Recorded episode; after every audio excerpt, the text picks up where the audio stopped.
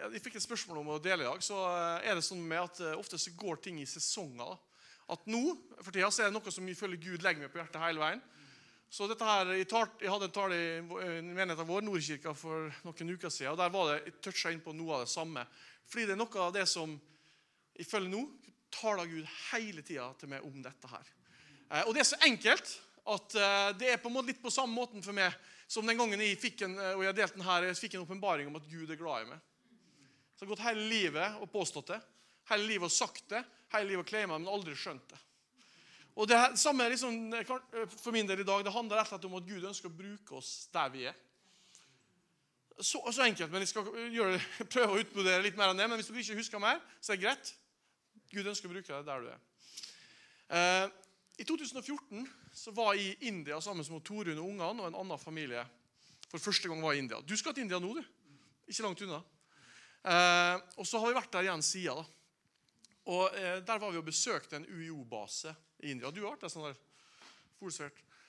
Og det som er caset, da Måten den eh, tjenesten, ministryen, menigheten, det miljøet er bygd opp på, det er veldig enkelt. Og jeg, jeg kan være helt ærlig, jeg hadde ikke slått med forskjellen på kanskje måten vi, og i hvert fall jeg, har både tenkt og drevet menighet på tidligere.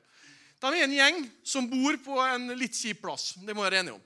Og så drar de ut i sju ulike slummer, og der driver de veldig mye eh, rett og slett godhetsarbeid.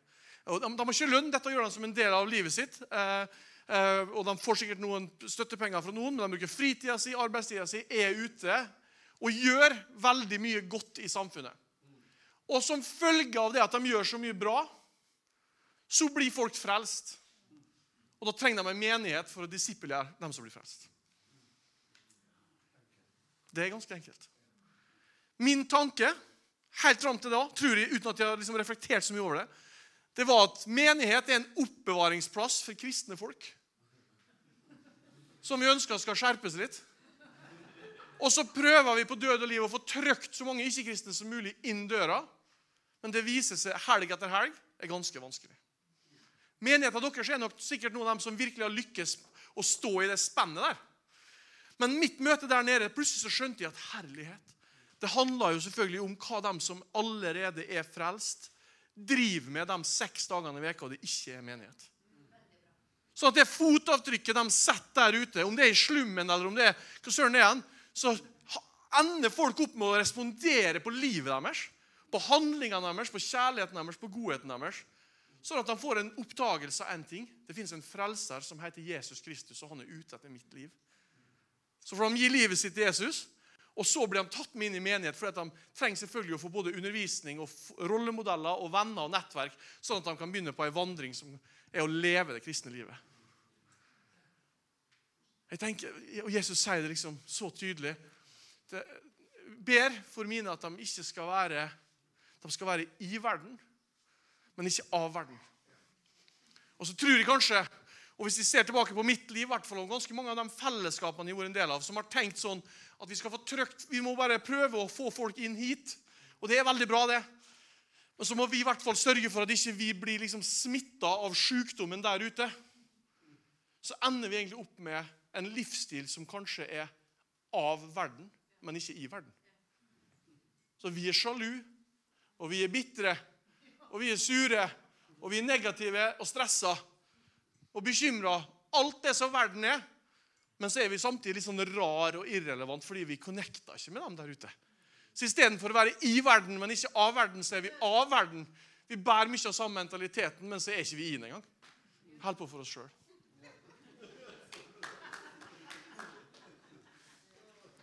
Når Jesus ble født, hvis vi sier at det er år, to, år null Det sier de at det ikke er, men hvis vi later som at det var det Så er det sånn, mine damer og herrer, at i India så finnes det 600 000 landsbyer. Så hvis Jesus hadde begynt å gå til én landsby hver dag fra det året han var 30, så hadde han vært ferdig med India i år 1630. Da hadde han vært én dag, så hadde han vært i én ny landsby. Hvis han da gikk til nabolandet Bangladesh, der er det 150 000 landsbyer, så hadde han vært ferdig om ca. 60 år fra nå. Så det er til det beste at de drar, sånn at talsmannen kan komme, sier han. Og Det som vi kjenner, vi det som Gud har lagt med, og det er så sabla enkelt, folkens, men det jeg føler Gud har lagt med på hjertet og fått en sånn eh, egentlig litt sånn der, hjerne til hjerte-åpenbaring om, det er nettopp det her at når vi går ut døra her så ja, vi skal ha møte på søndag, vi skal ha bibel smågrupper, vi skal ha alfakurs. Alt det er organiserte. Som menighet så skal vi virkelig være hode og ikke hale. Vi skal være en påvirker av samfunnet, og logoen vår skal være kjent, og vi skal være tydelige. Men det som samtidig er den aller største effekten, det er at dere jeg vet ikke hvor mange vi er her nå, går ut døra, og så bare trrrt, går vi ut, og så er vi Jesus for fellesskapet vårt, for omgivelsene våre, for naboene våre, for kollegaene våre, for arbeidsplassen vår for vennene våre, for familien vår. Det er sånn vi kan påvirke byen. Det er sånn vi kan påvirke bygda. Og det er det oppdraget som Gud virkelig, virkelig har gitt oss. Og Ja, jeg vet ikke. altså, øh, Kanskje har vi noen ganger rett og slett øh, sett litt lavt på dette og vi ikke forstått virkelig hva utfordringen det gir. Men samtidig også må vi kanskje være ærlige når vi reflekterer litt om mitt eget liv. Og hvis jeg ser rundt meg, så ser jeg jo kanskje at vi ikke helt lever Altså Hvis Jesus hadde vært med, da, for å si det sånn så Nå jobber jeg, nå jobber jeg på da, Salmon Evolution, og har, nå har vi foreløpig selvfølgelig kontor inne i byen på Årø. Men det blir selvfølgelig ute på Harøysundet. Og Der eh, har vi kantine sammen med Brunvoll. Det er Norges beste kantine. Den er diger, altså. Det er så svær. Det bygget var litt for dyrt. Det må ikke, kanskje ikke si på tape, men det, eh, det var flott. Og der er det mye folk som spiser. Og klart, jeg tenker det, det må jeg være helt ærlig på, at Hvis Jesus har vært med, eller jeg har vært Jesus, så tippa jeg den etter at nå har jeg vært på jobb i tre uker, jeg tippa den lunsjen har sett annerledes ut. Jesus hadde satt et enda sterkere fotavtrykk enn jeg, helt sikkert. Men de kan ikke la det være en stressende eller deprimerende faktor. For det er sånn at Gud har en tanke, og nå kommer litt sånn hovedbudskapet. Gud har en tanke når han har skapt verden, at verden skal herliggjøre han. Og Det betyr at Gud har en tanke om hvordan, vi, eh, hvordan eh, skole, familie, menighet, eh, jobb, utdanning, forskning, kultur alt, Ingenting av dette er onde ting. Alt dette er ting som Gud har skapt med en hensikt. Han har lagt det ned i oss med en hensikt for at det skal reflektere hans personlighet, hans herlighet og hans godhet. Og i 19, På 70-tallet en gang, og i UiO-er, sånne historier forteller jeg ofte, så vår eh, UiO, Ungdom i oppdrag, sin grunnlegger, Lauren Cunningham, han var på tur, han var på fjelltur med kona si på uh, hytte. Så fikk han en drøm. Og I den drømmen så, tar, så opplevde han at Gud talte veldig tydelig. At i ethvert samfunn så finnes det sju kritiske samfunnsområder. Om det er et lite samfunn, en landsby, eller om det er en nasjon, eller om det er en by, så består den av sju områder. Og Vi kan definere det på ulike måter. og jeg sikkert de husker alle, men Det er familie, det er jobb, eh, forretningsliv også, og det er utdanning, og det er kultur, og det er menighet, og så er det media og forskning. Og så eh, hadde han en god kamerat som heter Bill Bright. og Han var da eh, leder for Campus Crusade for Christ, som den gangen var verdens største misjonsorganisasjon. Så ringte han til ham, eh, og så sa han det at eh, jeg har hatt en drøm. Så sier Bill Bright jeg har også hatt en drøm. Samme natta, samme budskapet. For Fram til da så tror jeg, og også mye ettertid, så har liksom vi i forhold til menighet, i forhold til misjon og alt, så har vi tenkt at det finnes én god ting, og det å være pastor. Erlend han er den bra. Han er den som har liksom gjort det gode valget og er den radikale og den som virkelig lever det livet som Gud har kalt. Og alle vi andre vi er liksom B-folk. Men så, så, sier både dem og Det er så tydelig at Bibelen sier at ingenting er vanhellig. Det er ikke sånn at noe er A, og noe er B. Alt er rent for den som er rein. Og Det betyr at når vi går på jobb hver eneste dag, og det er liksom jobb da, forretningsliv, det er det som er mitt, liksom min del av det her, så kjenner jeg bare sånn en motivasjon nå at jeg kan få være med til å bygge Guds rike der jeg er. Og da har jeg liksom, For alle oss da, Jeg vet ikke hvor mange av dere som går på jobb og har, en, har hatt eller kommer til å få eller få en lønnsslipp. Men det er sikkert de fleste av oss. Så har jeg tenkt, og dette her har jeg delt da til noen før, men jeg har tenkt at det finnes kanskje fire måter du kan se på det på. For alle dere kommer til å leve et liv på mandag som mest sannsynlig ikke er å være her inne ti timer. Du, du har fri mandag, sikkert. Nei, aldri fri. Ok, så, min, så tanken min har vært sånn her. Ikke, jeg går på jobb, jeg får lønn, jeg betaler tiende. Eller forhåpentligvis. Mest sannsynlig ikke, men jeg ønsker å gjøre det. Men jeg gjør det ikke. Ok, Sånn har jeg tenkt. Det prøvde å være artig. Beklager. Eh, det gikk ikke hjem. Det var for alvorlig tema til å tulle med, folkens.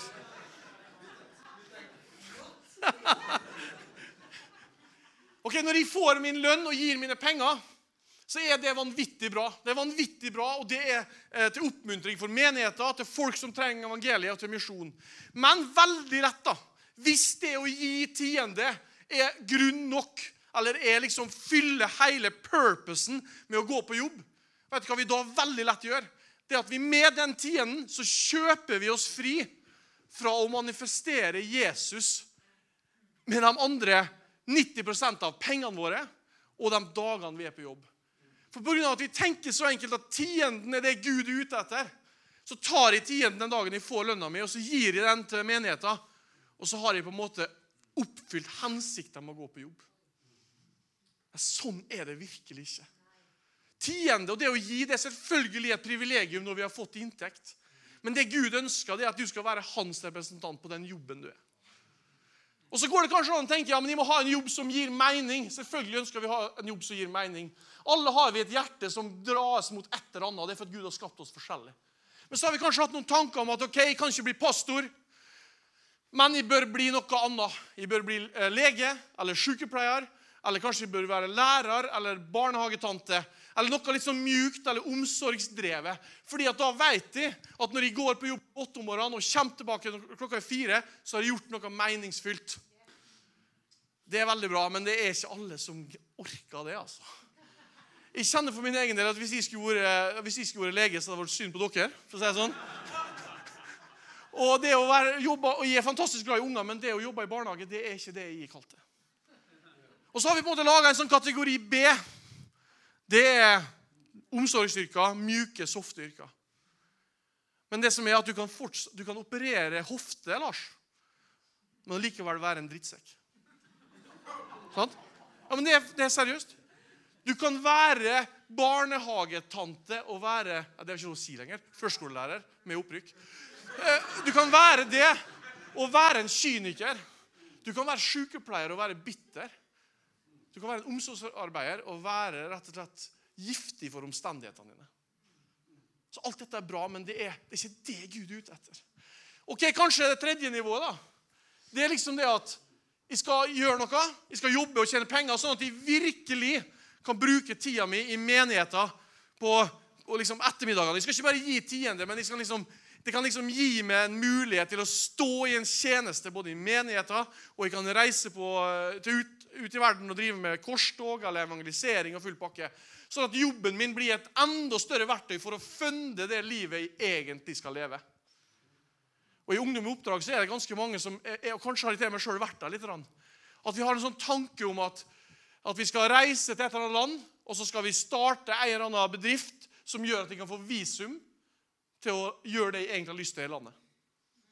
Og Det er kjempebra, men problemet er den, det tidspunktet du sier at jeg ønsker å gjøre noe, jeg ønsker å starte en bedrift for å få det visumet, så har plutselig også den bedriften de misjonærene har starta, blitt deres kall.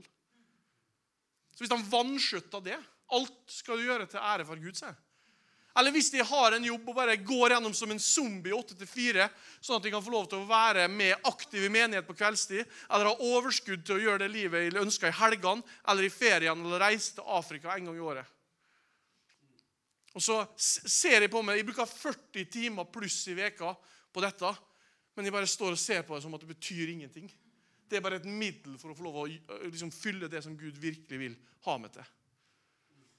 Igjen, Det er utrolig bra å gå på jobb, det er utrolig bra å stå i tjeneste være engasjert i misjon, reise ut, helge, ungdomsarbeid. Men det vi gjør når vi går på jobb de seks, fem dagene i uka pluss lørdag når vi lever det vanlige livet vårt, det kan ikke bare bli ei eller annen brekkstang for å vippe oss inn i det livet som Gud har, en hensikt som Gud har. Og da er det jeg kjenner for min egen del at Hvis vi som kristne kan få en åpenbaring om at når vi kommer på jobb når vi, Samme hvilket arbeid det er, den dagen når du går inn døra, så er det det som er din misjonsmark. De menneskene som er satt foran deg, det er dem du er satt til å tjene. De menneskene du omgir deg med, det er dem du er satt til å tjene. Og det livet du lever i den settingen, er meint å skulle gjenspeile Jesus i personlighet.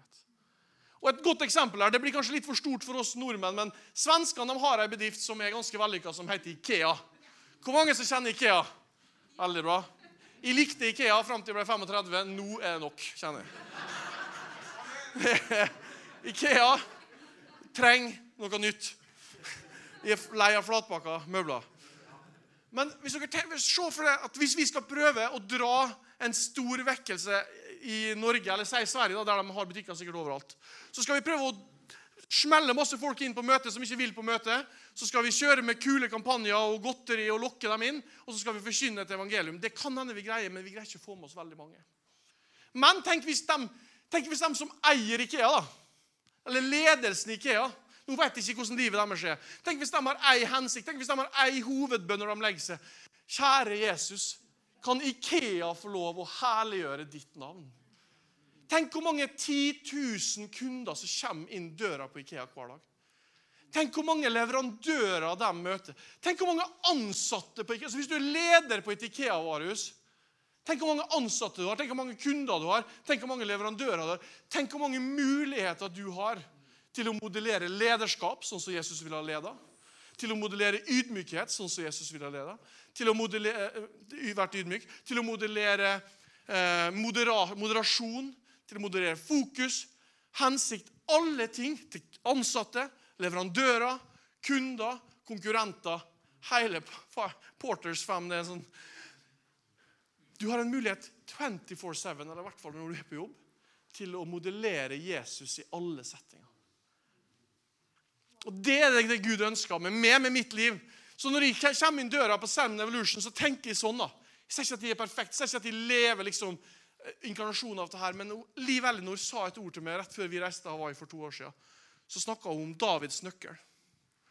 For Jesus sier det til Peter at det du binder på jorda, skal være bundet i himmelen.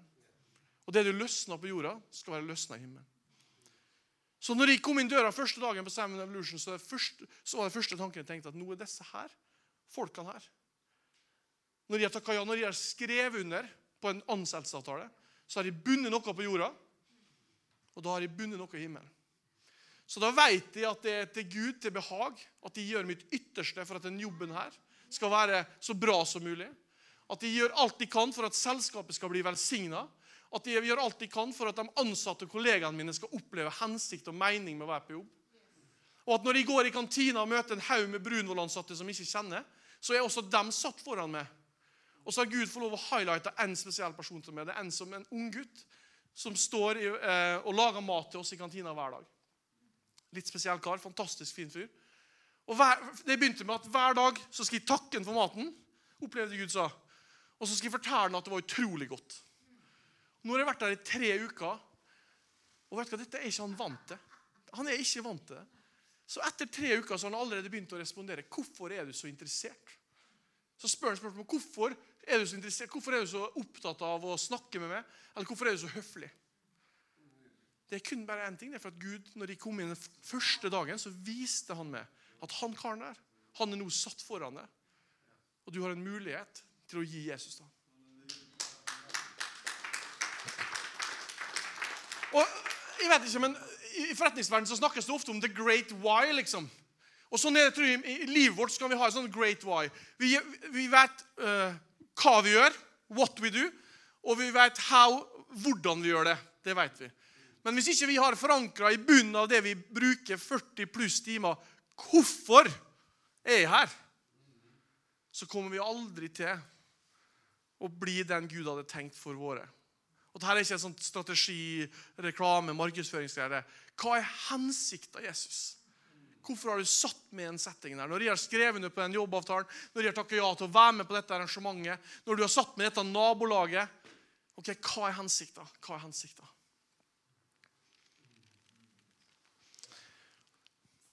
Når Peter, Jakob og Johannes ble med Jesus på Forklarelsens berg, så står det at han ble transformert for dem.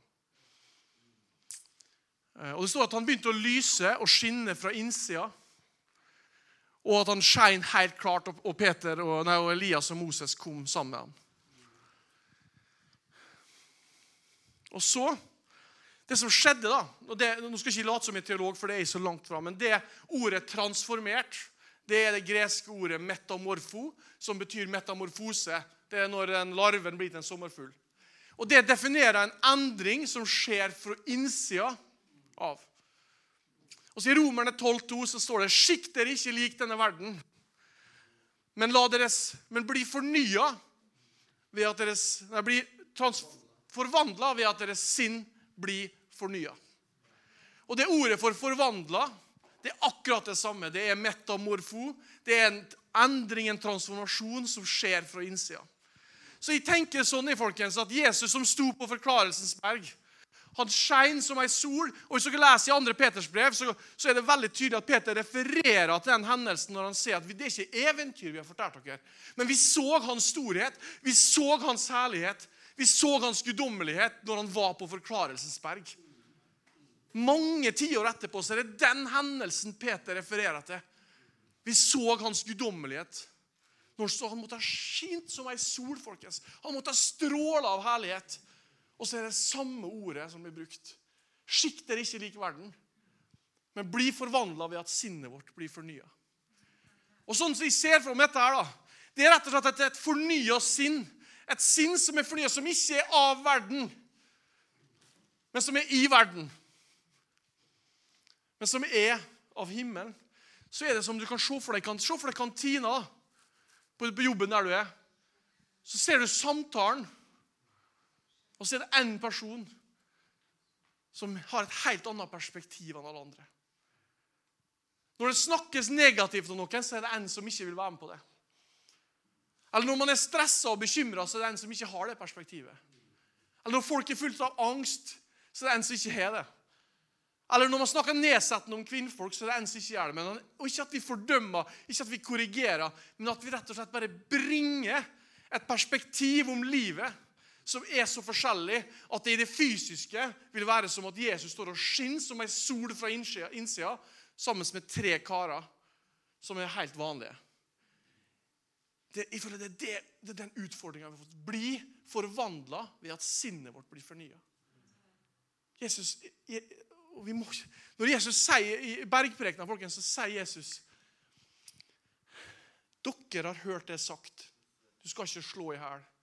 Men jeg sier dere Dere har hørt det sagt du skal ikke eh, drive hor, men jeg sier dere. Og det egentlig Jesus sier, det er at han løfter opp noen bud eller noen krav som er tusen ganger sterkere enn det vanlige krav ifølge loven. Og det vi bare må skjønne er at Jesus ville aldri gitt oss den type utfordringer eller den type liksom, formaninger hvis han ikke samtidig, når han putta Den hellige ånd i oss, så ga han oss krafta til å leve det som han utfordra oss til. Så perspektivet vårt i hva er det fornya sinnet? Hva er det Gud ønsker at vi skal være? Hvem er det han ønsker å gjøre oss til? For Jeg må finne bibelreferansen. I Korinterbrevet så står det også at når vi ser på Herren For det er det jeg vil til. Dette handler ikke om eh, at vi skal ta oss sammen. folkens. For I Bibelen på gresk er det et annet ord som heter metaskript. Og Det er definert om når djevelen og hans tjenere gjør seg om til lysets engler. Det er snakk om en forvandling som skjer fra utsida. Der du bare rett og slett kler deg om til å være noe annet enn det du er. Men i 2. Korinterbrev så står det at når vi ser på Herren og Hans herlighet, så ser vi som i et speil. Og så blir vi forvandla fra herlighet til herlighet. Punkt 1, det betyr at Den tilstanden vi er i dag, det er allerede herlighet. Gud ser ikke ned på oss og sparker oss, spytter på oss eller bare tåler oss eller bare utteller oss. Han sier dere er herlige. Men idet vi setter øynene våre på Jesus, så blir vi forvandla fra innsida fra herlighet til herlighet. Det fornya sinnet. folkens, det fornya sinnet. Det er et sinn som har sitt blikk festa på Jesus, og som veit i sitt indre at hvordan bryter jeg lenker i mitt liv? Hvordan bryter jeg syndemønster i mitt liv? Hvordan bryter jeg nederlag i mitt liv? Det handler ikke om at de tar meg sammen, det handler ikke om at de melder meg inn i en ansvarlighetsgruppe, eller at de får fire kompiser til å sitte hver fredag med og gi meg en kald dusj eller å holde meg i tøymene. Men den første og viktigste og beste måten er at de setter blikket mitt på Jesus. Så vil han fra innsida forvandle meg fra herlighet til herlighet. Det finnes en tale av Andrew Mack, en taleserie på tre serier, 'Effortless Change'. Hvis dere noen gang vil høre noe, den er magisk i forhold til å gi perspektiv på det temaet. her. Når Peter var på Forklarelsens berg, så ser han at Jesus begynner å lyse, og så ser han at Elias og, og um, Moses står der sammen. Eh, og så sier Peter det er bra vi er her. Det er et bra statement. Hæ? Står I Rombrevet 12 litt etterpå så står det at vi skal ikke ha høyere tanker om oss sjøl enn det som, vi skal, det som rett er. Det er bra i her, for da kan jeg bygge ei hytte til dere. Sånn, sånn at vi kan være her. Og det tror jeg er litt sånn som vi tenker, da. Punkt én. Vi skal liksom bevise vår rett ved at vi produserer et eller annet. Sant? Dette var praktikere, dette var enkle folk, men de kunne sikkert én ting, to ting. Å fiske og bøgge. Ganske lik buere, for å si det sånn.